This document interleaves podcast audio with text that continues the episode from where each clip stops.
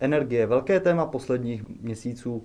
Dosáhneme nízkouhlíkové energetiky? Téma pro podcast Science is Calling. Mé jméno je Jiří Šíma.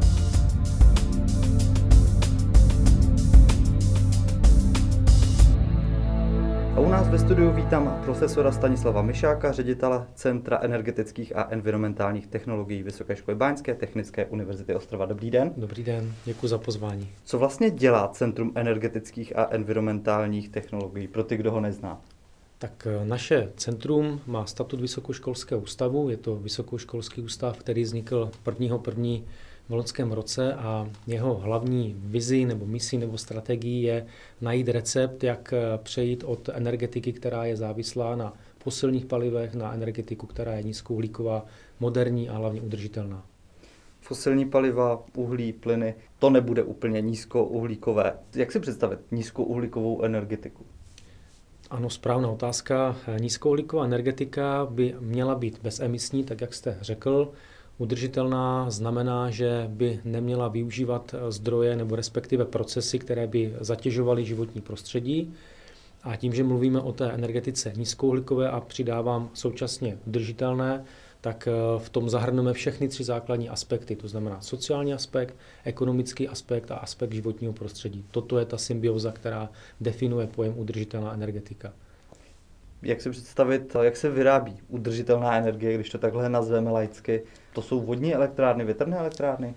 Pro odbornou i neodbornou veřejnost eh, ty zdroje, které jsou nejznámější, jsou zdroje obnovitelné, čili tak, jak jste to vyjmenoval, jsou tam zástupci eh, větrných elektráren, eh, jsou tam fotovoltaické zdroje, vodní elektrárny, které jsou velmi, velmi dominantní, velmi dominantním důležitým zdrojem a my k tomu hledáme ještě další cesty.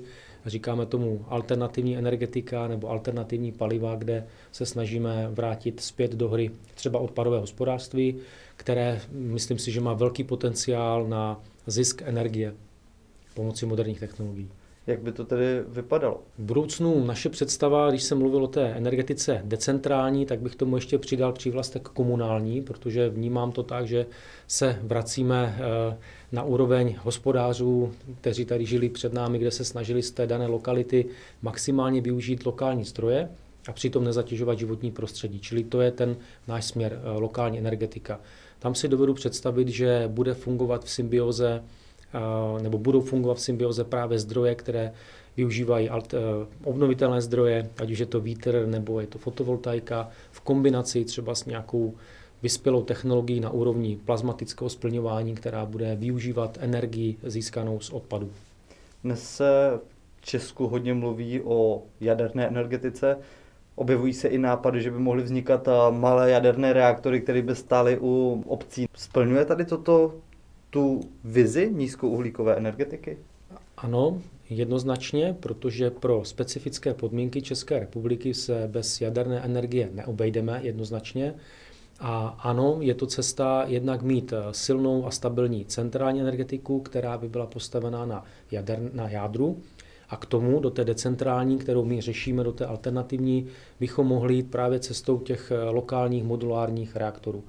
Když bych to rozdělil na nějakou časovou osu, tak to, o čem jsem mluvil před chvílí, tak je v tom krátkodobém nebo řekněme střednědobém scénáři zhruba do 10 let a modulární reaktory, které by potom fungovaly v symbioze s tou decentrální energetikou, tak toto by byla cesta po těch deseti letech.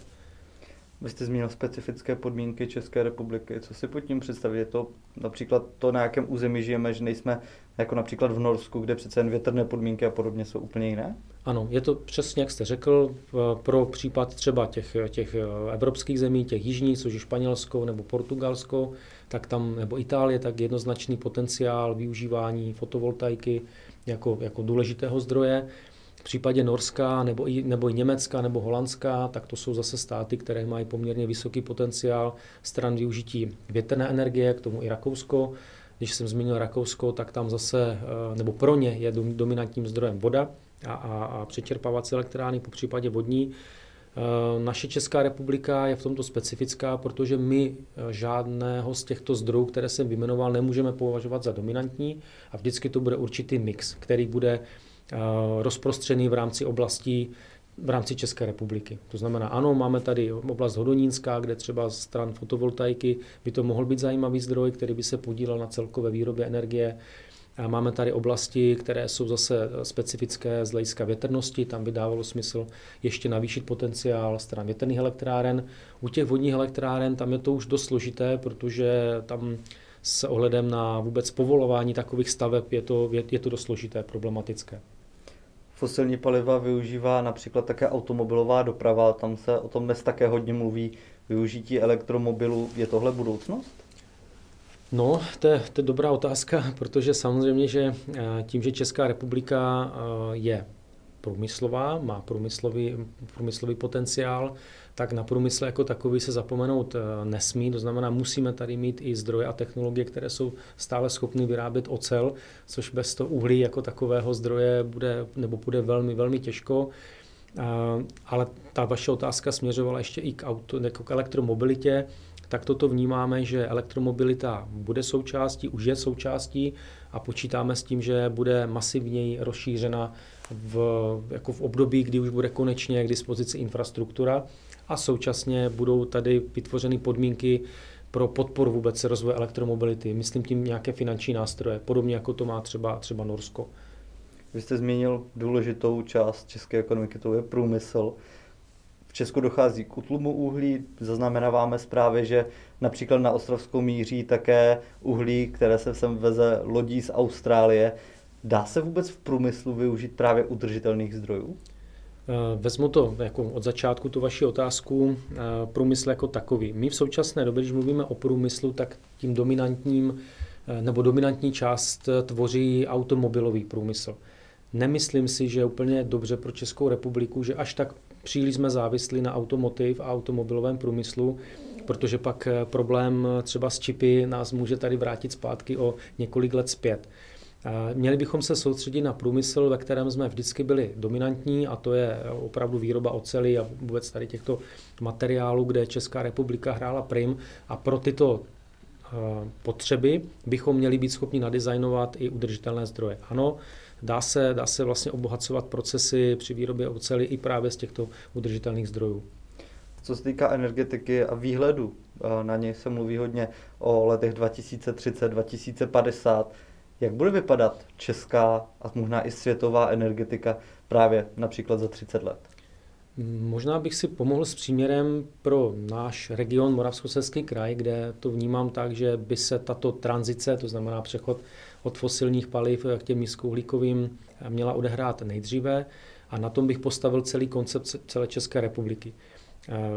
Za tady to období 2050 pro celou Českou republiku vidím symbiózu centrální energetiky, která bude postavena na jádře, s tou decentrální energetikou, která bude postavena na kombinaci obnovitelných zdrojů, což je vítr, fotovoltaika, s využíváním alternativních paliv, odpadové hospodářství ve spolupráci s modulárními reaktory, které budou vytvářet stabilizační prvek pro tuto decentrální energetiku, ale mluvím o symbioze.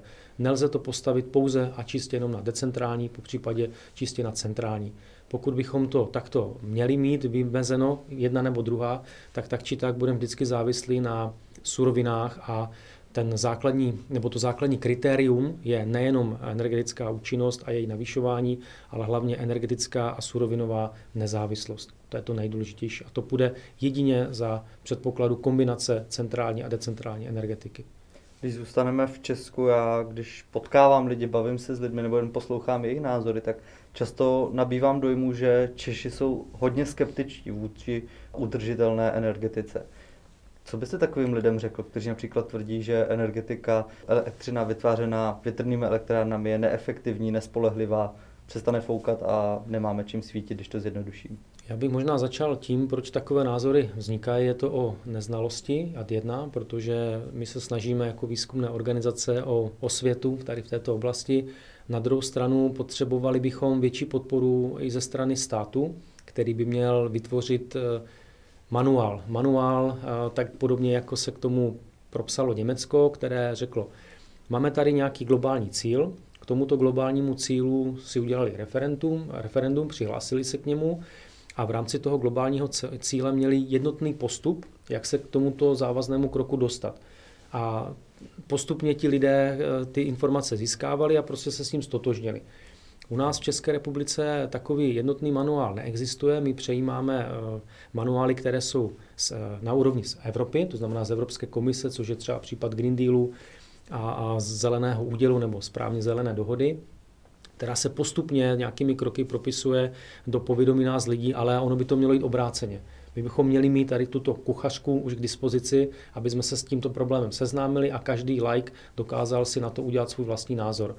A pak nemusíme potom řešit problémy nebo potíže s tím, že lidé nerozumí, co znamená pojem udržitelný, protože to, že ekologicky neznamená, že je udržitelný a naopak udržitelný neznamená třeba jako ekologicky, čistě ekologicky. Takže co bych jim zkázal, eh, že odmítání udržitelné energetiky je přenesení zodpovědnosti na další generace a je to čistý alibismus, protože naše generace má potenciál eh, tuto změnu provést, naprosto zásadní. Máme na to nebo finanční zdroje, máme na to do bohatou historii, velké no, zkušenosti a obrovské know-how. A pokud budeme toto odmítat a přesuneme to za deset let, tak to dáváme na další a další generace, což je nezodpovědné rozhodně nezodpovědné. Kdybyste se podíval na ten aktuální stav a porovnal Česko s okolními zeměmi, a vy jste už zmínil Rakousko, bavili jsme se o Norsku, Německo, jsme v tuto chvíli v pozadí, co se týká udržitelné energetiky? Tak ano, eh, jak to říct hezky, kulantně. Nejsme úplně na chvostu tady toho pelotonu závodního, když bych si pomohl sportovní terminologii, ale nejsme ani v čele. Řekl bych, že se poskyt, nebo vyskytujeme se zhruba ve středu tady tohoto pelotonu a někteří už pokukují, ti, kteří pokukují eh, potom jako čele. A my, když to vezmu tady za výzkumné organizace, tak se snažíme, aby jsme se opravdu dostali na čelo. Z hlediska know-how, které tady máme, tak rozhodně nehrajeme druhou ligu a držíme krok s institucemi a s organizacemi, které jsou na úrovni Evropy. To, co je zásadní a problematické, je legislativa, která jde ve velkém a velkém závěsu za těmito technologiemi. A pokud nebudeme mít dobrou legislativu, tak eh, se nám tyto moderní technologie budou velmi, velmi těžko prosazovat. Tam vnímám, že je obrovský deficit a velký rozdíl proti třeba Německu, které, a vrátím se k tomu, co jsem řekl, Německo se rozhodlo, půjdeme touto cestou a dál už to nespochybňuje. Každý z těch lidí ví, že je součástí nějakého velkého příběhu, vnímá svou zodpovědnost a na to mají připravenou legislativu. U nás víme, že Green Deal tady existuje, že je problém s zdroji eh, neobnovitelnými a zatím se hledá cesta, tak to vnímám, nebo hledala, jak tento problém odložit. A my proti tady těmto myšlenkám bojujeme v rámci organizací výzkumných a ve spolupráci s eh, firmami. Pane profesore, děkuji, že jste byl hostem podcastu Science is Calling. Děkuji za pozvání, děkuji za rozhovor. Naschledanou.